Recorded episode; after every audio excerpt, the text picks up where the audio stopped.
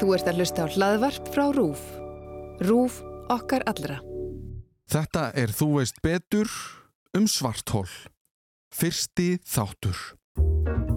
þyngdar sviðið frá sólinni á okkur og jörðina þú lýsir þýrun með svartóli þeir sá ljós sem kvarfljósið sem sáðu ljós sem kvarfljósið hvað þyrti hluturinn að lítill og þungur til þess að ljósið myndi tækna sig aldrei sleppa frá því Velkomin aftur í Þú veist betur. Ég heiti Alli Már Steinarsson og ætla að reyna mitt besta að forvitnast um fyrirbæri og hluti sem eru allt í kringum okkur en við vitum kannski ekki svo mikið um en værum til í að vita meira. Í vetur munum við fara yfir hluti eins og málningu, frumur og banana en við byrjum á einu svakalegu dæmi. Það er nefnilega komin tími til að tala um svarthól. Frá því að ég byrjaði með þessa þætti hef ég fjallað um allskins hluti sem hafa kveikt áhuga minn á öðrum hlutum. Eitt af því sem ég fór að pæla meira í var geimurinn. Allt það sem við sjáum þarna úti og hvað þetta er allt saman. Sem kemur svo í ljós að er ekki hlaupið að því að fræðast um. Því þarna úti eru hlutir sem gera það verkum að við séum til, við erum öll gerð úr stjörnum, að jörðin okkar er eins og hún er og af hverju hún hagar sér svona. Þannig að þegar ég og Helgi Freyr Rúnarsson sett upp sniður til að tala um svartól var ekkert hægt að vaða bara beint í hvað eru þau. Til að skilja þau þarf söguna, smá slettu af eðlisfræði og heilan helling af starffræði til dæmis. Ásamt því að átta sig betur á því hvernig við fórum að því að skilja þessi fyrirbæri sem er leynast að því er veriðist út um allt í geimnum. Samtalið okkar endaði í rúmum þremur klukkutímum sem ég hef reynd eftir fremsta megni að berja saman í þrjá þætti sem koma núna næstu þrjá sunnudaga. Ekki láta það koma ykkur á óvart ef þið skiljið ekki allt. Útskýringin kemur oftast aðeins setna og svo hef ég líka lært að það er bara allt í lægi að skilja ekki allt þegar kemur að þessum efnum. Sumt er bara svona. Lítið við því að gera. Svo erum við heldur ekkert svarthólsfræðingar eða stjörnu sævar, svo það er engin pressa á að vera með þetta allt á hreinu. Til þess erum við með Helga Frey og áður en við byrjum á sögunni, þar sem við kynnumst Newton, Kepler og Einstein sem dæmi, fáum við kynningu frá viðmælandunum sjálfum. En hlustið eftir því sem kemur þar á milli, því þar fáum við lítið dæmi sem er nýkomið fram um það hvernig svarthól hljóma.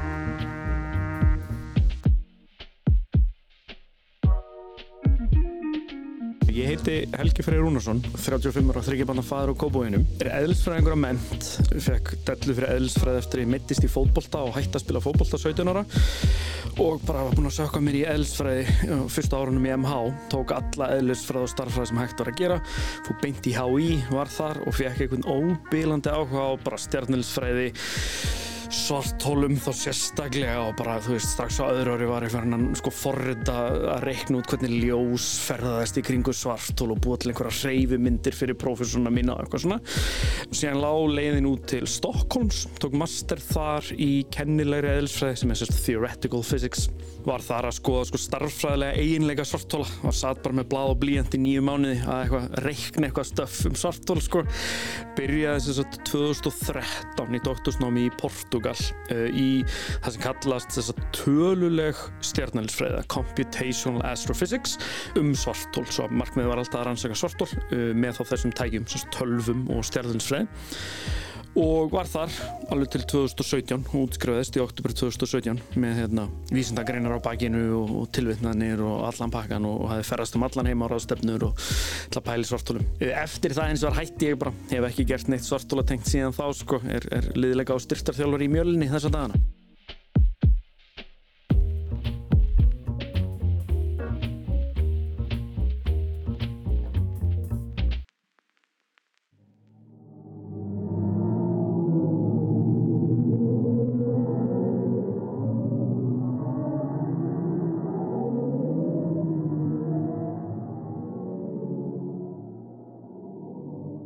Fyrsta svona skriflega sem við höfum er, þú veist, maður getur sagt ekkert það gamalt en samt alveg nokkur hundur ára gamalt voru hérna starfræðingur sem heit Laplace og nokkur aðrir sem að sem sagt þeir í raun spurðu bara spurningarinnar þegar þú veist Newton á búin að setja fram sína kenningar um að þú veist ok, jörðin er að tói hluti og hann átt að segja því að tunglið tóa líka og sólinn og allt sem hefur massa í raun tóar hluti til sín og menn eins og Kepler voru farin að reikna út reyfingu heiminn tunglan út frá því og svo framvegis.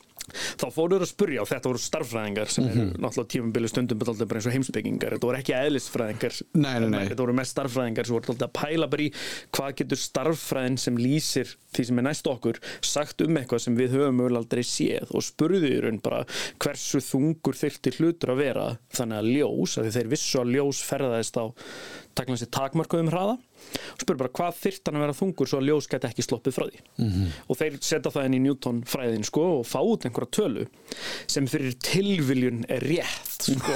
það, þetta er mjög nefnilega. En hún er kolvittlaust að því Newtonsk eðlisfræði getur ekki lísta sem hlutum sko.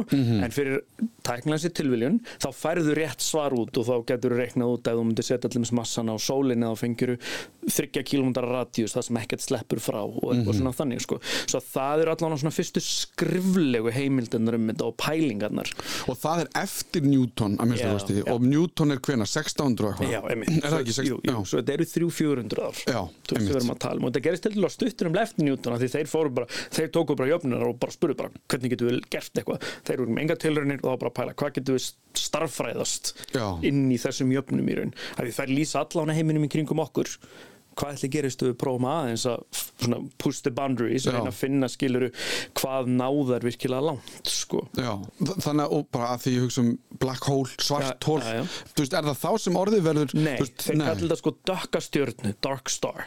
og það er bara eitthvað sem að þeir eru að ímynda Já, sér þeir eru bara ímyndið sér, þeir segja bara ok, ef, við höf, ef, að- ef að þingdarkrafturinn í kringum hluti með massa haga sér svona og ef að hlutur er nógu þungur og nógu lítill og þá gá, gáður þetta einhverja tölur og ef hann verður svona þungur og svona lítill það er bara hlutfall í raun sem kemur sko þá ætti ljós ekki einu svona að sleppa frá því. Að þeir, þú veist, þeir viss veist, ok, hversu mikið hvort þeir viss að sko þingdarablið hafði áhrif á ljós það var ekki búið að sína fram á það þarna. Nei. en þeim greinlega datta í hug að Já. þeir spurðu spurningana þar ef að þingdarkraftin hefði áhrif á ljós sem hann gerir, við vitum það í dag skilur, þeir vissu það ekkert fyrir 400 árum það var ekki nákvæmlega, þeir kannski datta í hug. Og þeir spurðu bara ef það hefur áhrif á ljós hvað þyrfti hluturinn að lítill og þungur til þess að ljósið myndi tækna sig aldrei sleppa frá því. Mm. bara eins og ég og þú sleppum ekki frá jörðinni þegar við hoppum. Nei. þeir spurður um sömu spurningar nefnum fyrir ljós. Og bara svona til þess að, af því að nú þarf ég að passa mig af því ég er orðin mér finnst þetta svo ótrúlega heillandi að ég hef sjálfur aldrei verið að reyna Nei, að skilja eitthvað af þessu já, já, sem er meirinn að segja. Það já, já, alveg 100% en fyrir fólk sem til dæmis að því þú er búin að nefna þingdakraft þú veist þingdarafl ef við segjum það bara, það er orð sem við þekkjum flest. Og til þess að ljós sleppi ekki. Sko getur þú í örstutusmáli útskýrt hvers vegna þú veist að því eins og sagðir þingri hlutur hefur meira Já, hann tógar fastar í einhverjum Já. skilningi. Af hverju er það? sko í, í Newtons fræðunum þá það er einhvern engin útskýring að hverju. Þetta er, þetta er niðurstað út frá tilraunum Mhm. þú veist hann, ég ætla ekki að segja hann hafi verið að kasta eplu upp í loftið en Nei, jú, ja, þú veist, svo segir sagan hann satt undir epla til að dætt epli og þá átti hann að segja á því svo hann átti að segja á því að hlutir sem eru þungir af því hann líklegast átti að segja á því að jörðin væri þung Mhm. toga í hluti Já. síðan fór hann að testa þetta á öðrum hlutum og, og það kemur hann ljós þú veist, hann gerir ekki mælingar á hverstæslu hlutum í nærumhverjum okkar en hann sér út frá sólinni og út frá tunglinu og hinum planundunum hvernig þetta gerist og, og bara sem dæmi veist, bara út frá þessu bara út frá þessu jöfnum hans Newton sem að hann bjóð til út frá því hvernig hlutir detta í kringu jörðina og hvernig sólinn reyfist og eitthvað svona þannig þá gáttu síðan fólk sem koma eftir Newton reiknað út hvernig allar plánundur sólkerfisins reyðu sig. Þá var búið að spá fyrir um istu reikistjörnunar áður en við sáum það nokkuð tíma. Var það ekki saga með Kepler? Jú, Hann gerði ráð fyrir Plútó og þeim áður en þær. Það, bara, það, það hlýtur að vera eitthvað þarna var basically að því að hann reiknaði og hann sá hvernig sportbrautina voru. Mhm. og miða við plánundinu sem við sáum þá varð eitthvað að vera utar. Eitthvað með smá þyngd sem tógaði skilur að því ef þú ert með sportbraut og það er eitthvað fyrir utan þá, hlýtur það líka tógið og bjaga þá þína leið skilur Þannig að það er í raun ekki bara sólinn sem er að tói okkur Nei, heldur er líka all- allar pláneturnar það við, það það er, all- þú af- tæknilega sér ég að tógi þig. Vissulega. Þú ert að gera það með já, en, líka eðlisfræðilega og við erum, þú veist, þetta er, náttúrulega daldið En það áhugaverð er að leiðu þú lærir og þú, þú mynd heyra það, þú veist, og þess vegna sagði ég að ég, sko, masterskráðan mín er starffræði. Já. Ég, ég nálgast þetta alltaf frá starffræði og leiðu þú kannt starffræðina, þá sérðu tækna þessi skrefin sem þeir fór. Já. Ég myndi aldrei nenn að framkama þau, Nei, nei, þau- þetta er bara bilun í raun, þegar maður þekkir nútíma tækni, skilur Já. það að þeir sátu með einhvern næstu því handsjó, eða þú veist, bara sjónunga sem er verri en handsjóningu sem þú getur keift í Ellingsen, skilur og þeir voru að horfa upp í himinin og bara, þú veist, mæla gráður sem að Júpiter var að reyfast og þeir sáu tungli, þú veist, bara, skilur Mhm. og, og út frá því teiknuður upp á himin kvolfið ferilinn og, og þannig gáttu þeir reikna út og setta inn í jöfnunar þú getur skert þetta í fartölun eða næstu í símanuðinum, skilur á 30 sekundum í dag ef, ef þú starffræðina Já. Þe- þetta tók þá mörg ár þeir notuðu bara blað og blíjant sko. svo að þetta er magnað en þess vegna er svo gott í raun sko átt að segja á því þetta, þetta samt sko byggir á öllu og eins og, og bara svo við þetta vitnum- byggir á staðurindum Þetta byggir á staðrindum og, og fólkinu sem koma undan þér. Mhm. Kepler hefði aldrei getað gert það sem hann gerði ef að Newton hefði ekki verið. Mhm. Og Newton sagði sjálfur, bara svo ég vitni beint í hann á ennsku, If I have seen further, it is because I have stood on the shoulders of giants. Mhm. Þú Veist, það, það var annað fólk sem gerði fullt af hlutum á undan honum og hans uppgötunir komu bara því hann var, tók þá vitnesku og hann þurfti ekki að finna hann upp skilur. Nei, og bara sama með mig skilur ég hef ekkert skilið svartól ef, ef þetta lið væri ekki til í heiminum. Nei. ég hef aldrei bara vaknað þenn daginn og verið búin að læra um svartól ég las kennslubækur og, og læriði frá prófessorum og fór á fyrirlestra og, og svo, framvegis, svo framkvæmdi starffræðina skilur. Já. En ef við tökum þá, ok, þeir, þeir þarna segjum bara 400 árum síðan eitthvað leir cirka. átt að segja á einhverjum, nefnaði ekki svart hól Nei, nei. heldur það verður til kenning Já, Að sam- hugmynd, hugmynd, bara. og bara út frá starffræði það var ekkert sem bendi til að þessi hlutir væru til í, í, út í að þeir, hefðu náttúrulega enga leið til þess að sjá Nei, eða vita eða og, og, og aftur, hvernig ætlar að sjá eitthvað sem sýnir ekki frá sér ljós Já. og við förum líklega til það eftir sko, en þeim sér strax fyrir 400 árum þeir áttu þessu bara, ok, hérna hlutur sem að starffræðin lýsir. Það er enginlega að mæla það, við mælum hluti með ljósi skilur, allan til að byrja með. Næstu því strókuðu þetta út skilur Já. við erum meila bara heppin að þeir strókuðu ekki jöfnurnar út sko. Já, einmitt. Svo en síðan í raun poppar þetta aftur upp þegar Einstein Já. kemur. Og síðan, veist, Það er bara 1900 það er bara 1900 eitthvað. Og þá erum við bara komið, það er bara 100 ár síðan skilur, Mhm. það er bara þegar ég var í dóttorsnámi þá voru við að fagna skiluru 100 ár síðan að Einstein kom með almenn afstæðskenninguna skilur. Svo þetta er það stutt síðan ef við pælum í því sko. En, en þessi afstæðskenning að því að hann kemur tvær kenningar sem eru svona bara, þú veist það er afstæðskenningin og það er heita hérna, Mhm. hann er með special relativity sem er sértæka afstæðskenningin og síðan er með general relativity sem er þá almenna afstæðskenningin ok, og munurinn á þeim í, í, í stuttu orði er raun að sérst, special relativity, sértaka afstæðiskenningin er, það er ekkert þingdarafl þar. Þar er hann bara að spurja spurningarinnar ef að tveir aðtugendur ég og þú, við erum að horfa á saman hlutin ef að við erum að reyf okkur miða við hvern annan þú ert að fara á 100 km hraða fram hjá mér ég er kjur og síðan er einhver hlutur að reyfa sig kílómetri frá okkur og við erum báður að horfa á hlutin sjáum við hann eins og Já. í Newton eða Galileo í raun sko relativity sem er sagt að því, að því þetta er allt relatíft þannig Já. að hann kemur orðið þú veist, þetta er, þetta er Afstætt. afstætt þetta er sem sagt hvernig sjáum við hlutina að því í, í Newton í Galileo þá ferðast þing, bæði þingdarkrafturinn líka ljós óandalega hratt Mm. það, það, það, það fer frá einum stað og það fer strax í auga á þeir Já. Mhm. aðtögandanum sem þýr að ég og þú við sjáum hlutin ákla eins það skiptir engum máli þótt að þú sérst að fara hratt framhjá við sjáum hlutin eins að hann er instant að er instant. Einstein áttaði sig á því að því þá var hann í lok átjóndaldarinnar nei, jú, átjóndur eitthvað Mhm. þá kemur í ljós að ljós ferðast á takmörkuðum hraða Já. ok, og þá, eru tilraunir sem síndu fram á og, mjög skemmtilega sagði varandi það allt og annar, annar þáttur Já. bara um ljós, í raun, já, já, já. Það, það, er, það eru heila bækur um ljós skilur, bara, þú veist, ljósfræði er náttúrulega bara heil vísindangrein sko. það sem er átt að segja á er að ja, hann Einstein í raun að finnandi á einhverju hva- já, já, hérna, já.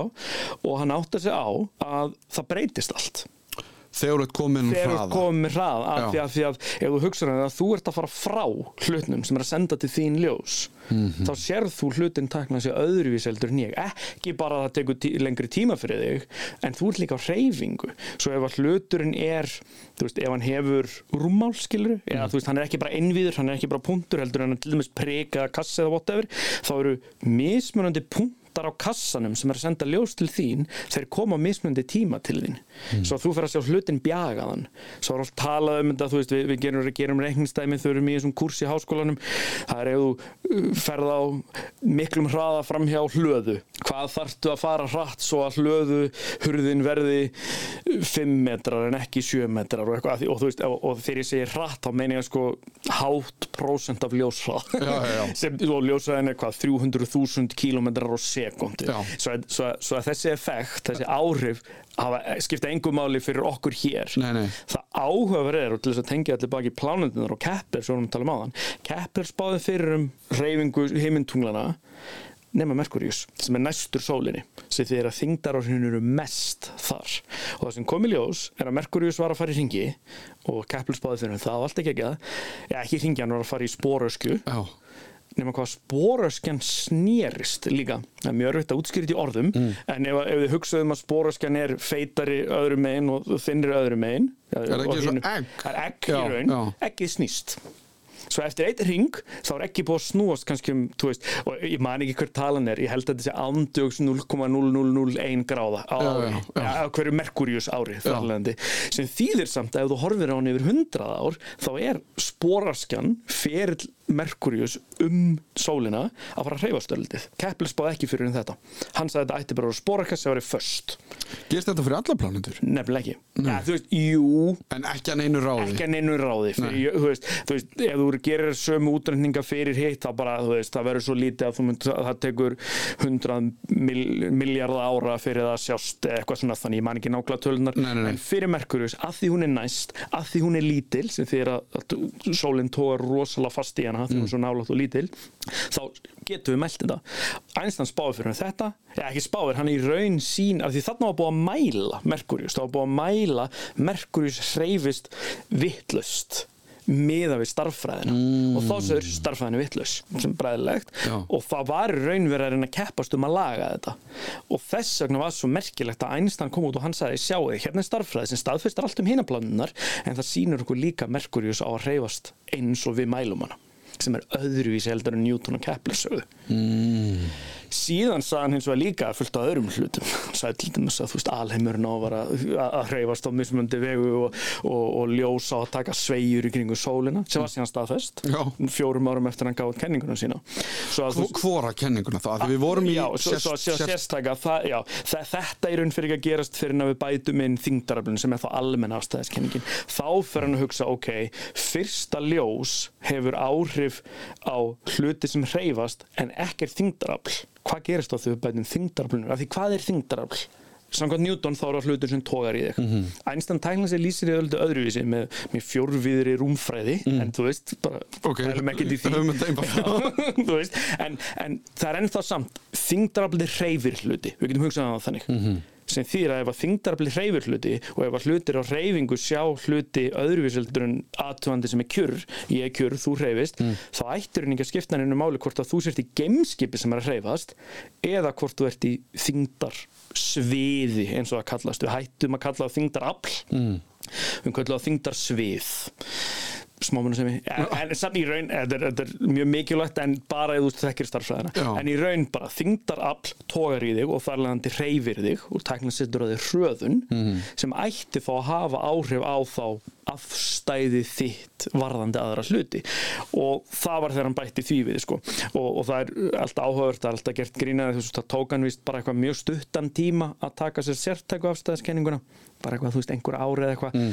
síðan kunna hann ekki nóg mikla starffræði til þess að gera restina Já, hann, var bara með stórum gæðsalöpum eðlisfræðingur þarna Já. og eðlisfræðingar höfðu aldrei notað starffræði sem þurfti til þess að lýsa því sem hann átti að segja að hann þurfti að gera þarna svo hann sagt, fór á held ég 10-12 ára ferðarlag í að læra meiri starffræði og heimsóttu fullt af starffræðingum alla Evrópu og það er hérna jú, Hilbert mm.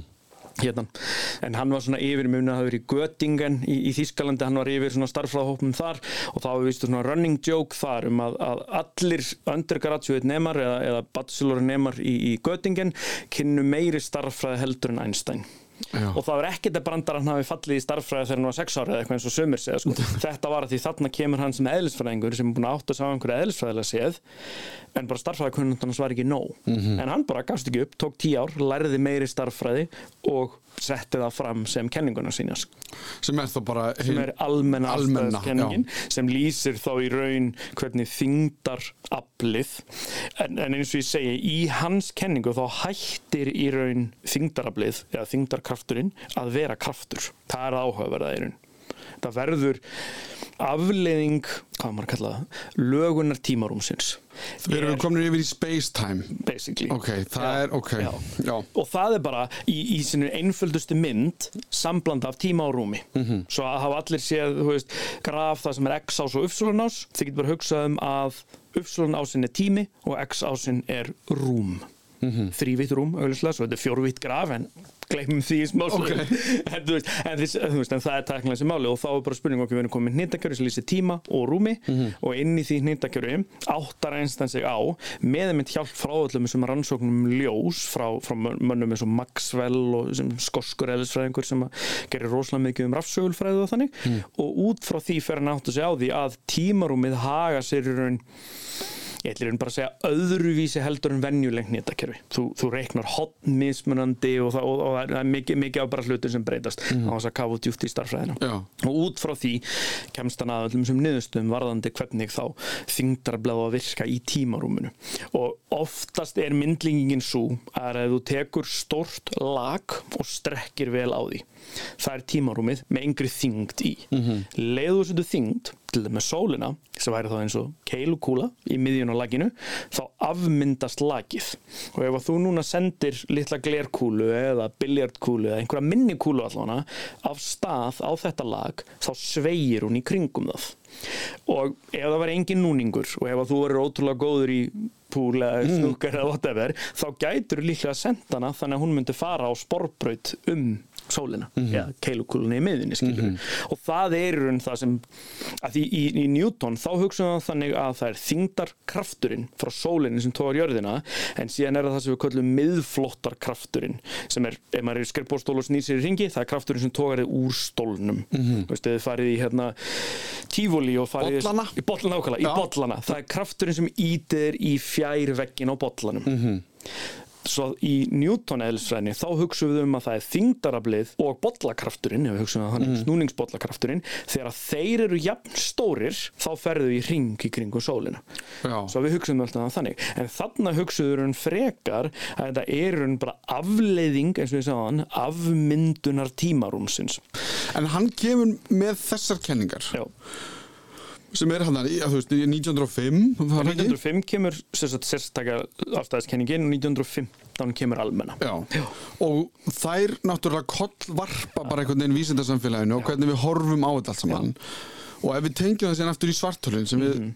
erum svona pælaðins í að því að þetta er svona, ég veist, ég tók viðtal um kjarnorku og hann byrjaði bara að tala um atom auðvitað þarf já. að vita Já, já, áður en þú það er mitt máli, ég get bara ekki sagt svartól, já, það er hérna lausn Já. á dattaratap, nei, nei, Nei. þú veist, að því að, og, og það er mynd, uh, ég meina, allt sem ég gerði í mínum akademiska ferli veldur á því sem Einstein gerði -hmm.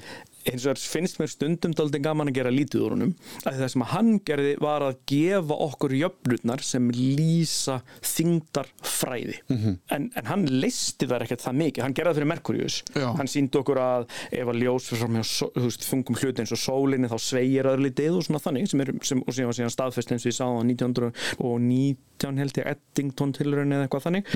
Þú veist og þá, þá var búið að staðfesta þessa hluti og allt er geggjað.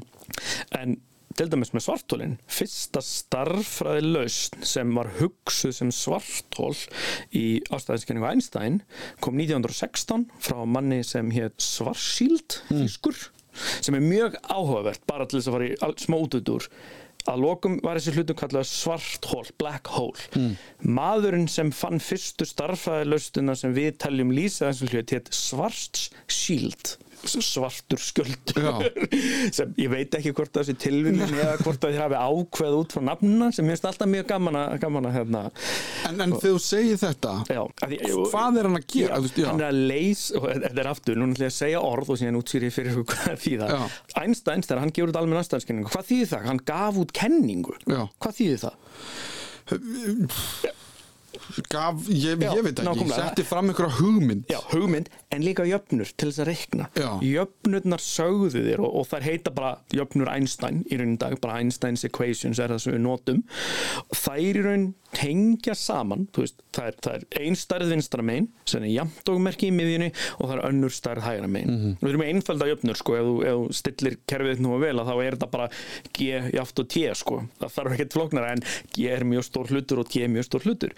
En þetta í raun segir okkur það með þessum jöfnum að afmyndun tímarúmsins, G, er jaft og orkan í tímarúminu sem er T. Þetta er oftast líst þannig að sagt, sveia tímarúmsins ákvarðar hvernig efnið í tímarúminu hreyfir sig en efnið í tímarúminu ákvarðar hversu mikið það sveigist. Þetta er pínur svona eitthvað hænan og, og Þetta þetta er í báðar áttin nefnilega, sko. Þetta er, þú veist, ert að segja G sé aftur T, ert að segja T sé aftur G. Ég er svona á starffræðimálinu. En í raun það sé ég þá að meina, ef við tökum aftur lakið. Áður en að kom keilukúla á lakið, þá var lakið bara flatt og ef þú hefur sendt litla kúlu sem er ekki nóg þung til þess að afmynda lakið, þá hefur hún bara fara eftir beinni línu. Mhm. Sem þýðir að efnið var ekki nógu þungt til að afmynda lakið. Svo T var ekki nógu stórt í einhverjum skilningi til þess að það hefði áhrif á G. Svo G er ennþá jáft á T. Ef við setjum svo mjög þungan hlut, stórt T, þá breytist G sem er afmyndun lagsins. Svo að efnið í tímarúminu, ég og þú, plánuður í kringum okkur, allt svartól, sólir, allur pakkin, hafa áhrif á hlutin í kringu sig, er raun það sem við erum að segja. En, en, en, en erum við og minni hlutir í geimnum þá ekki litla kúlan sem beigir þetta, þetta tímarú eða, hérna, Við, við, við sko ferðumst um tímarúmið. Já, en við getum ekki beigt þetta lag ekki að neinu ráði ef þú væri með nógu góðan mæli já, þá ok, þetta, ættur að geta mælt þetta er pingu pingu lítið. en það er ekki að fara að ringsnúast í kringum okkur eða, eða þú veist það er pottið hægt að setja bara upp þú tekur jöfnunar Já. þá getur þú bara skrifa nákvæmlega kondísjonu sem þú þarft Mhm. og á jörðinni yfirgnæfir þingdarkraftur jarðarinnar tóið frá henni eða sveigjan þá frá henni ef við Mhm. erum komin yfir afstæðskenninguna allar aðra sveigur. Veist, við erum eins og lítil hóla á stóru fjalli. Já, já, já, einmitt. Og sko, ég er ekki að tala um á stóru fjalli við erum að tala um, þú veist, þú ert þú ert títuprjótn á Everest. Já, já, ef það sko. Mm veist, það er, er potið þetta að rekna náklót hvað þú ert lítill miða við Everest og það er örgulega rosalega, rosalega lítið. Svo að for all practical purposes þá skiptir, skiptir okkar þingdarsvið engum máli Nei, en það er til það er staðar. til staðar Já, já. og það var í raunin það áhugaverða af því að veist, það leifur okkur að fara að hugsa um fleiri hluti skilur og það áhugaverða er sko að það sem koma síðan að er að sko orkan sem að afmyndar og heyrinn bleið segja orka, ég er hættur að segja þyngd Mhm. fyrst sagði ég bara þyngd og þegar við tölum Newton þá bara þyngd Mhm. en þetta er raun orka af því það er orka í þyngd eða eftir M séu öðru eins og Einstein sagði okkur Já, já. Veist, er, þar er orka en það er líka orka í reyfingu svo hlutin sem snúast hafa annað þyngdarsvið heldur en hlutir sem eru þungir og svo framvið skilur. Það, þú veist, þetta T sem ég kalla það þú veist, það er miklu meira heldur en bara þyngdin okkar. Og það er aftur eins og, eins og nafnið á kenningunni gefur til kynna relatíft, er það að hreyfa sér hratt er það að hreyfa sér hægt og þá hefur það áhrif að breytist. Og alltaf þessu breytist eftir því hvernig þetta hreyfa þig og svo framvegis. En eins og ég segi, síðan kom þessi svarsíld og hann í raun, hann sagði bara hei, hérna er þessi jafna svo ég segi það bara, það er gaman að segja þetta sko. Þetta eru tíu ólínulegar háðar annastig stiffuröfnur. Ok.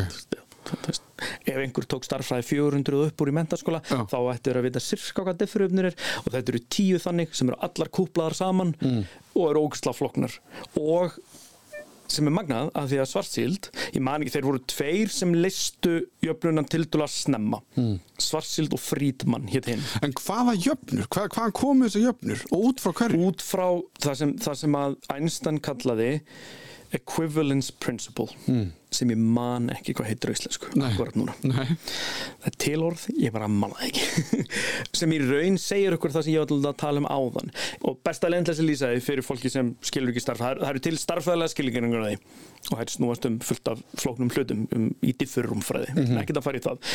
En ímyndur að þú sitt í liftu ja, nei, þú ert bara í boksi og síðan allt í einu byrjar boksið að, þú veist, að fara hröðun á sig sem allir finna fyrir og þess vegna nefndi ég liftu þess vegna eins og liftan sé að fara á stað. Nema þú sérð ekki út fyrir bóksið en þú finnur að það kemur kraftur.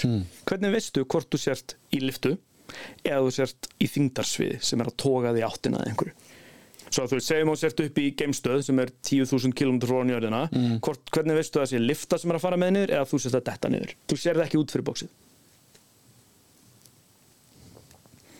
Ég veit það ekki. Nákvæmlega. Svo, svo, að- svo, að- svo, að, svo að equivalence principleið í mjög einföldum orðum segir okkur að þú getur það ekki.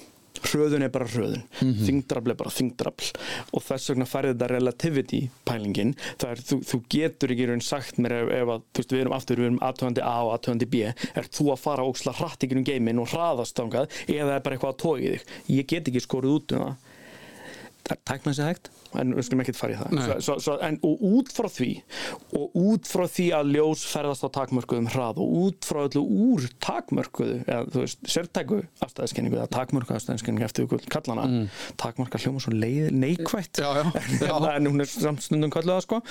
Þá, þá fær hann það út, það bara, og síðan bara fer hann í starffræði Mm. og þú veist En er hann að, sko, enn og aftur, er hann að sjá eitthvað Nei. og reyna að útskýra það? Eða, af því þannig erum við sko komið 300 árum setna eitthvað, Já, já. þannig að það eru kannski komið betri sjónungar. Það er að sjá það innan stóra gæsalappa að ljós ferðast með takmörkuðum hrað hann er að sjá það að þingdar kenningar Newton og Kepler er ekki að virka. Mhm. það vantar eitthvað.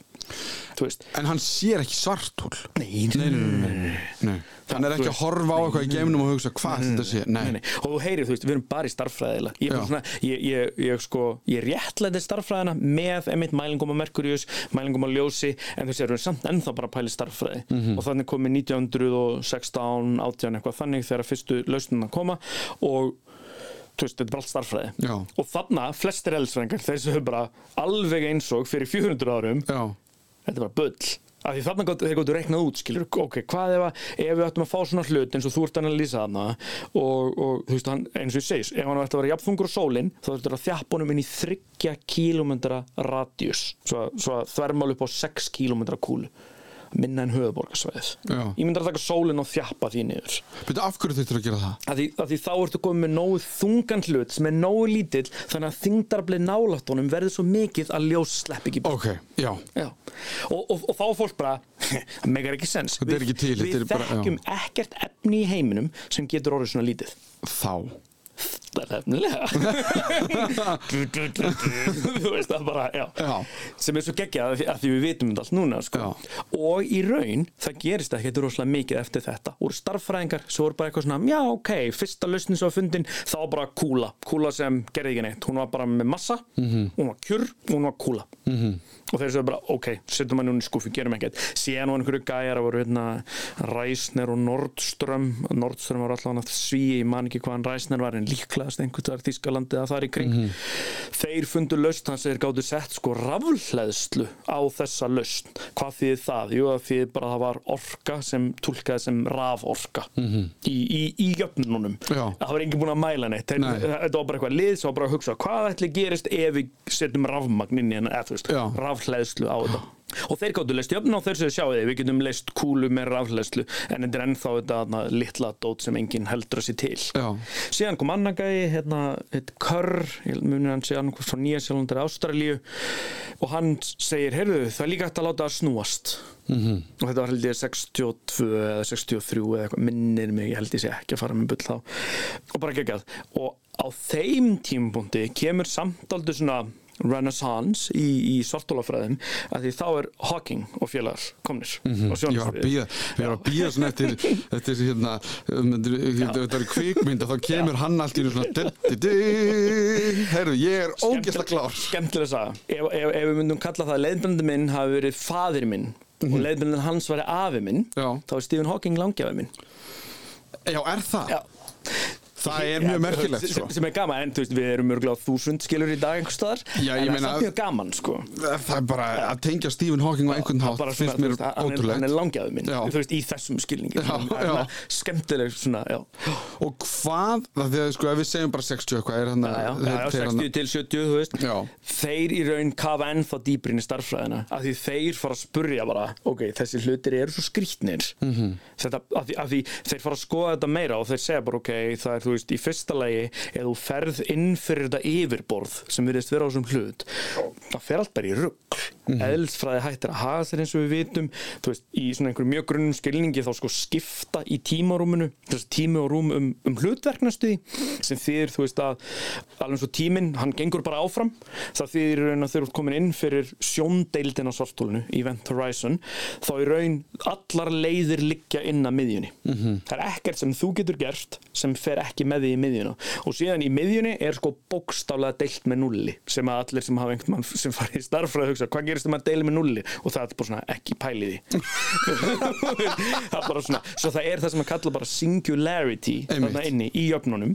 Svo að flest fólk eins og ég segi frá þarna 1915, 16, 17 til þarna 1960 eitthvað segir hún bara þetta svæð er hvort þeir lokað af af því það sleppur ekkert út þarna ef við ætlum að, veist, þannig að við þurfum ekki að pæli Nei, komi, kemur engar upplýsingar út það er ekkert sem gerist, skilur, svo bara lokum á það. Sem bara, þú veist, sem bara í raun góð pæling, af því allir hlutir sem þú notar síðan þessar jöfnur til þess að lýsa með, þessar jöfnur tæknilega að lýsa sólinni, Sérst, fyrir, fyrir mig og þig sem erum langt, langt frá sólinni mm. þingdar sviðið frá sólinni á okkur og jörðina þú lýsir því raun með svartóli þú segir, hvað ef að sólinn væri svartól eða þú veist, þannig séð, starffræðilega séð það er ekki munur á, að, að því við erum svo langt í burtu. Náttúrulega þú ferir inn í sólina þá myndi það ekki ganga lengur eða mjög því þá, þá eru komin yfirborðsáhrif og eitthvað svona þannig. En, en langt í burtu er í raun og, og ég grínast alltaf með þess að, að því að fólk spyr, þú veist, er ekki svart og svo það er svo, það er svo sogar svo fast og eitthvað, þú veist, ef ég smelli fingrinum núna breytist sólinn í svartól við finnum ekki fyrir neinu fyrir eftir 8 mínútur. Og það einu sem gerist þá er að það slöknar á öll sólinni. Já, bara, já. En þingdaraflið er nákvæmleins við höldum bara áfram að nákvæmlega saman brautinni. Af því að þingdar og náttúrulega aftur, smá starfræði lausnin sem er þess að svarsíld og þessi ræsnönnur sem að körga er þeir voru enn bara að spurja hvernig er þingdarsviðið í kringum kúlu? -hmm. Og það sem kom í ljós er að þú getur líst þingdarsviðinu í kringum kúlu inn að einhverju vissu yfirborðið sem er þá í vent horizonið og þeir sögðu bara förum aldrei þangað inn. En, þessu, en við getum alveg notað þetta samt til að lýsa hlut eins og sólinni að því við erum svo langt í burtu frá henni. Og meiri þess að jafn nálátt og Merkurius tólkast ennþá sem langt í burtu frá henni. Og bara næstu þú komin alveg yfirborðin á henni getur sagt ennþá bara já, hún er tæknað sér ennþá bara eins og svartól nefnum bara hún er með stort yfirborð. Má ég spyrja einu með Merkurius af því að, er það ekki Merkur? Er það Merkúr Merkúríus, ok, já. já. Ég bara man ekki og vissi ekki hvort Sævar En af hverju ef að Merkur er svona ógislega nálægt sólinni sem er svona miklu miklu stærri já. og hefur þá miklu miklu meiri þingdarafl já. af hverju er Merkur ekki löngu farin bara inn í sólina? En það er mitt málið, flestir hugsa um þingdaraflið og sérstaklega svartól sem einhver svona ryggsugur Já, þær tók allt til sín. En eins og ég sagði á hann, ef þú bara uppfyllir þetta skilirði þín, þín sporbraut í kringum hlutin vegur á móti því að þú setja þetta inn þá myndu teknilega aldrei þetta inn. Nema að tapist einhver orka þannig að þetta er ekki eins og spírall Nei, En hvað í sumum kerfum er þetta eins og spíral. Já, já. það er talað um sko með, með tunglið mér finnst ég samt alltaf verið að sjá mismunandi hérna, fréttir um hvort er að gerast sko, hvort að tunglið sé að nálgast okkur eða fjarlægast okkur. En, en ef þú reiknar það út samkvæmt svona flestu þá, þá er tunglið tæknilega sé að fjarlægast okkur. En það er að því að tunglið er líka að hafa áhrif á jörðina. Þú veist, það er, það er orka að losna út af til dæmis bara flóð og fjöru skilur, Mhm. en með, með Merkurius og sólina er ekkert þannig í gangi. Þú veist, þannig að þá er orkan er tæknilega séð contained í kerfinu Mhm. svo það er engin orka að fara sem þýðir bara að Merkur bara heldur áfram að fara ring eftir ring og ekkert gerist þannig síðan sko Mhm. Svo að, en það eru svona tilfullt af kerfum og við munum ræða að það er eitt þannig kerfi sem tengslu við svartól sem við pælum með eftir sko sem að sem sagt, eða, ef að ég fæ að stjórna nei. Já, já, nei, ég bara, ég er along for the ride, sko. Veist, þar sem að svona tap í orku í raun Mhm. veldur einmitt að hlutinni nálgast hvort annan einmitt Svo, að, veist, en, en þetta er einmitt veist, að því fólk hugsa sérstaklega um svartól að svartól sé einhverja svona cosmic vacuum cleaners. Já. þar farum og soga allt til sín. En eins og ég segi, tæknilega séð ef þú ert nólandi í burtu þá er engin munur á þingdarsviði svartóls og sólarinnar svo lengi svo eru jafnþung og snúast jafn hratt sem svona bæði það, það róar suma mm -hmm. það hefur hrætt við já.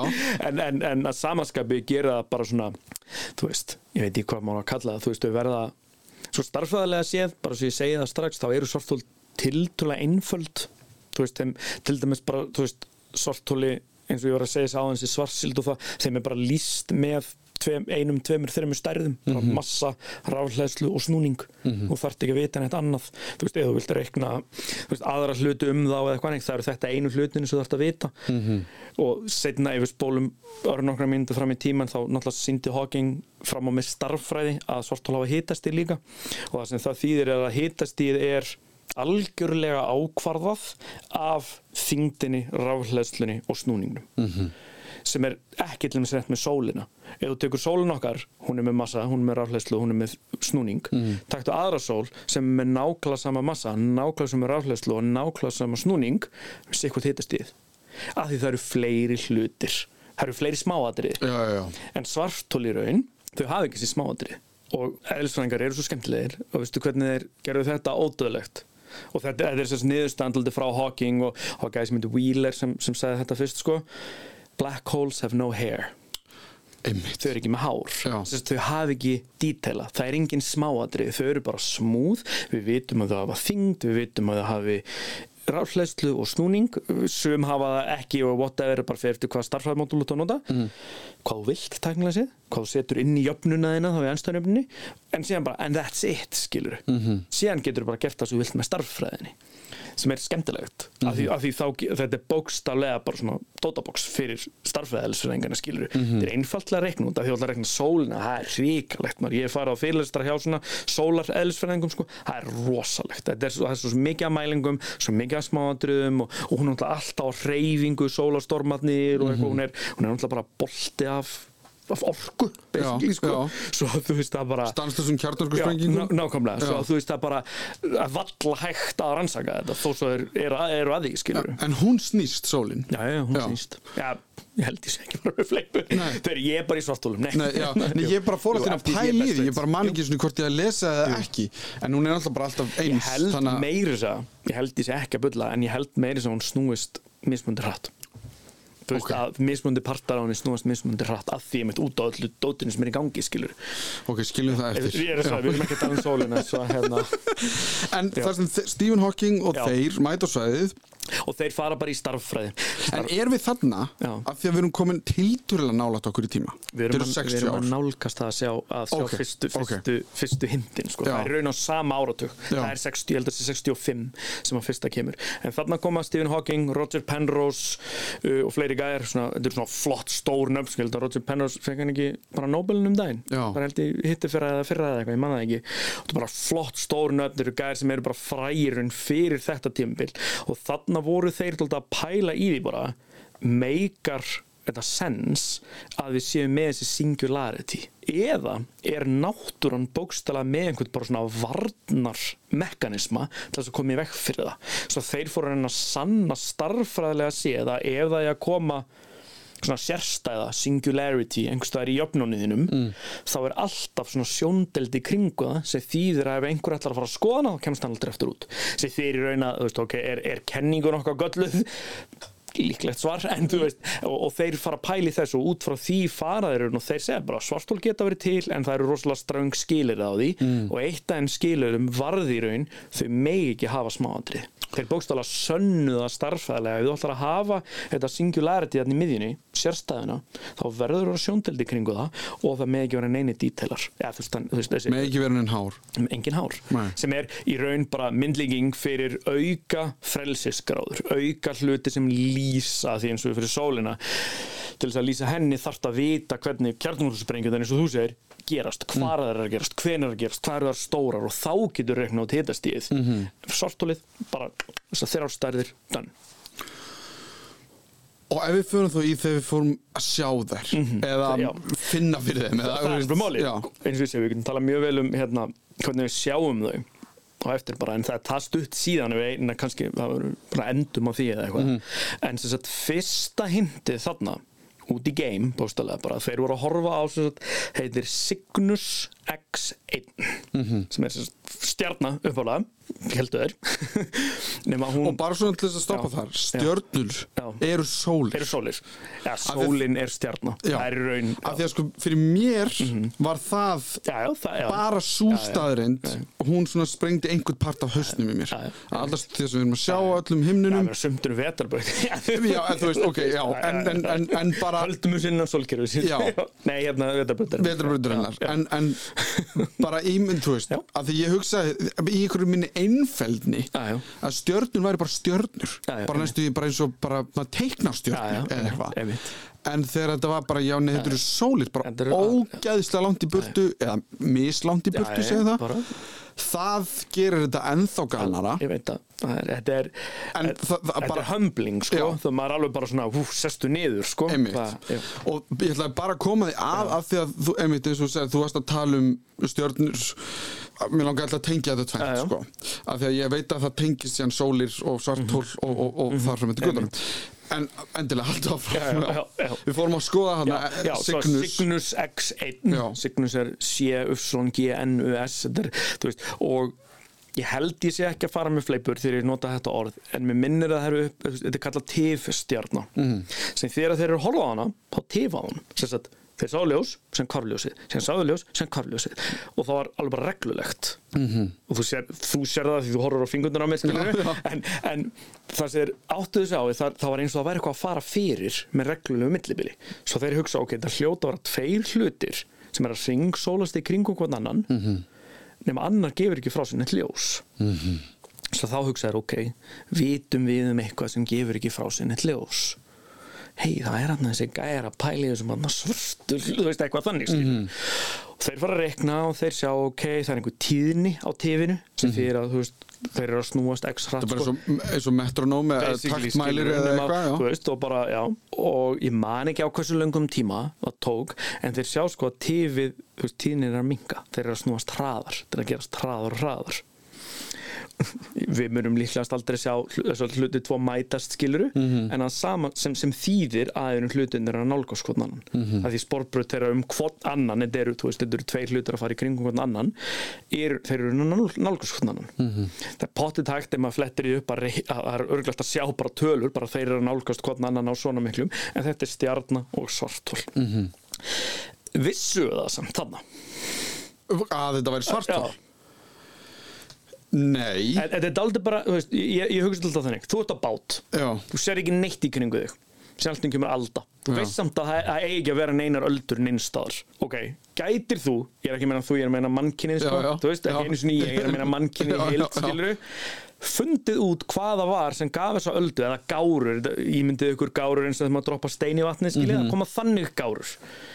Gæti maður mannkynnið fundið út í hvaða var sem datt í vatnið og þú sérði ekki nýtt þú sér, eða, þú, veist, þú sér öldunar þú sér gárurnar sem koma þú sér Mhm. hvað er langt bil á millir og sér hvað eru háar þú sér hvort það sé já, eitthvað svona þú gætir það tækna þú myndir einhvern veginn þú, þú, þú reiknar út Já, hvað já, er þar háar, hvað er þar það oft er nógu mikið eitthvað. upplýsingum í gárunum Já. til þess að gefa okkur mjög mikið upplýsingum Já, já. Við, þú veist, ég myndi halda að það ætti vera tiltöla auðveld og þegar ég séu auðveld þá meina ég nokkra doktorsgráður. Þú veist, uppálega skilur í dag er þetta eitthvað sem er bara hægt að gera skilur það er bara til forrið sem einhver gæja Þetta er bara, hey. Google. já, já, basic næstu því sko.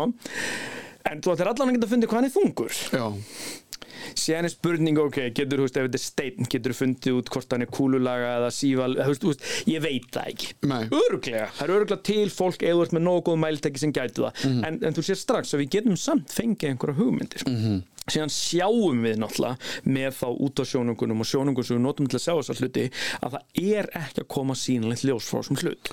Og þegar mér finnst mikilvægt að staldra aðeins við Já, þar já. Varandi sjónuguna af því að uh, ég held að sé eðlilegt fyrir fólk að ímynda sér bara sjónuga á þér. eða já, augun á þér sjónu, kíkir eða þá einhvers konar hvað sem maður, bara sjónauki bara eins og ég á, þú veist sem er ekki, Nei, er ekki já. í, í faradal til að horfa á eldgósið það er bara einmitt, bara fuggla á skoðun og sjóningi en, en að hann eða það Já. Sá geiri af sjónugum Já, já. dugar ekki til þess að sjá margar Af hluti í geimnum þú veist, við sjáum ég held að flestir vitið það svo sem að þú veist, við sjáum bara takmarkaðan hlut af öllum rafsjögulbylgjum þó svo að fólk viti kannski nefnilega hvað rafsjögulbylgjur eru Mhm. en það veit til dæmis að þú kveikir á örbylgjófnum þú sérð ekki hvað er í gangi inn í honum þú sérð ekki bylgjunar Nei. en þú veist að það er einhverja bylgjur að því hann heitir örbylgjófn þá veistu að það eru örbylgjur Mhm. þú veist, og svo framvegis og síðan þegar þú ferð ef að, þú veist, heyrir um krabbamenns meðferð þá eru líka bylgjur sem eru settar á þeim það eru aðrar bylgjur sem Mhm. eru veist, meiri, með meiri orku og, veist, og svo framvegis þetta eru bara sjónungar og, og þetta er náttúrulega bara massíf tækni framför sem þurft að eiga sér stað til þess að svona hluti getur gerst Mhm. fyrir utan rafsu, nei, fyrir utan útvarsbylgjurnar að því við áttum útvarp svo það er, það hefur oft verið í uppgöndunum í stelun sem er bara svona, ég ætla ekki að segja tilvílinir en við, á, við vorum með svo mikið á útvarssendum og nemum Mm. að stundum sérst hluti af því þar skilur Mhm. svo að sem sagt, já, í raun að, en, en þarna náttúrulega átt að þessi á því ok, við erum að horfa á þennan stað starffræðin, stjarnælisfræðin segir okkur frá því hvernig bylgjur ættu að koma frá þessum stað, já, ég myndi halda að vera útvarsbylgjur, reiknaði einhver út og þá byggðu þeir útarsjóninga til þess að beina þangað Mhm. sem er þá að meta tíðnir á einhverjum já, tíðnir á einhverjum bylgjum á, já, eða orku. Já. Þú veist, tíðni orka tengist bara með einhverju, einhverju jöfnu, skilur Og, og, það- já, einmitt. Og þú veist, það er þetta tengið allt saman. En þú, einmitt, þú ert að mæla það. Já. það er verkfræði hvernig það er gert svo ég veit í rauninni ekkert nákvæmlega hvernig það er virka skilur en Nei. þetta eru bara einhverju nemar sem að pikka þær upp. Þurfa sér náttúrulega að magna þær upp rosalega mikið. Ég sko bæli bara í því af því að ég held að fólk þú veist, ef það er að hlusta á útarpi já, já, það veit að um, hérna, rástöður ás eitt er á einhvern bylgjum já, að, að það eru sendar og móttakarar Já, og, og móttakarinn í bylgjunum hann er, Ég- þú stillir á einhverja tíðni og þá er það að koma prinsipi er þetta nákvæmlega nema bara þessar bylgjur eru búin að vera að ferðast mörg hundruð ef ekki þúsundu ljósara. Og þar alveg er sko amplitútið á þeim, styrkurinn á þeim bara svo gott sem engin Já. svo sjóningin þarf að vera miklu næmari miklu stærri til þess að safna almennum gögnum og svo framvegis. Já. svo en þarna kemur eins og ég segi svona, ég segi alltaf að þessi fyrsta óbeina aðtöðunin á svartóli þarna Signus Já, þú veist, veist, þú veist, þú veist ég, ég get ekki sagt að þarna séu búin að staðfesta. Nei. að því kannski er til hlutur sem sendir ekki frá sér ljós en er samt ekki með sjóndeld og er ekki með singularity í miðjunni skilur kannski. Já, já. ég veit, ég að því, að því, veist, að því þá erum við komin yfir í sko particle physics, þú veist, örendafræði Já. að því kannski bara til eitthvað efni samsapna af efni Mhm. sem við höfum aldrei séð, sem er ekki til á jörðinu og við getum ekki framleitt og munum aldrei sjá, en kannski eru þetta stjörnur búnar til og því bara alveg eins og við heldum að, veist, stjörnur gætu bara við stjórar en síðan voru uppgötaðir hvíti dvergar og niftendastjörnur og eitthvað svona þannig, Einmitt. sem eru bara annar fasi eða form af efni sem er mun þéttara en það sem við þekkjum og þá kemur spurningin gæti þessi hlutu þarna verið ennþá þéttara form af efni en ekki svartól ég veit það ekki, ég get ekki Ég veit það Nei, ekki. nei, og hvað þá 1965 skilur? Nei. svo þarna segjum, ok, er þetta líklegt miða við okkar þekkingu þá Mhm. er þetta svartól líklegast, en við getum ekki alveg verið það er líklegast að giskið. Það er líklegast að gíska, það er eina starffæðlega útskynning sem við höfum. En það var samt fullt af fólki ennþá sem var bara getur svona ekki verið. Nei. þú veist, þú deilir ekki með núl, það var basically argumenti skilur, Já. það bara, þe- þetta meikar ekki sens. Það hlýtur að vera til eins og við viljum svo oft fallegri leið til þess að útskýra þetta. Mhm. Þá höfum við farið aðeins í sögu svartóla, hvernig nútíma vísindafólk stendur á aukslum risa eins og Newton, Kepler, Einstein og fleiri snillinga sem verðast hafa verið í einhverju sérstöku sambandi við alheimin. Því hvernig þeir fundu upp á sumum af þessum hlutum mun ég aldrei nokkuð tíman skilja. Þegar hér er komið í sögu er Stephen Hawking, einn af merkilegustu vísindamönnum mannkinn sögunar, mættur á svæðið og það má líklegast segja að þá fari hlutinir á flug. Við horfum til Signus og sjáum eitthvað sem þarnast útskýringar og í næsta þætti höldum við áfram og komumst að því hvort það sé í raun til fallegri leið til að útskýra hvað er í gangi. Ef það er einhverjar spurningar eða ábendingar um þennan þátt eða hvað ykkur langar til að heyra meira um í framtíðinni er hægt að senda mér post á allimarat.ru.is Við setjum stopp hér í byli. Ég heiti Allimár Steinarsson og þetta var Þú veist betur um svartól.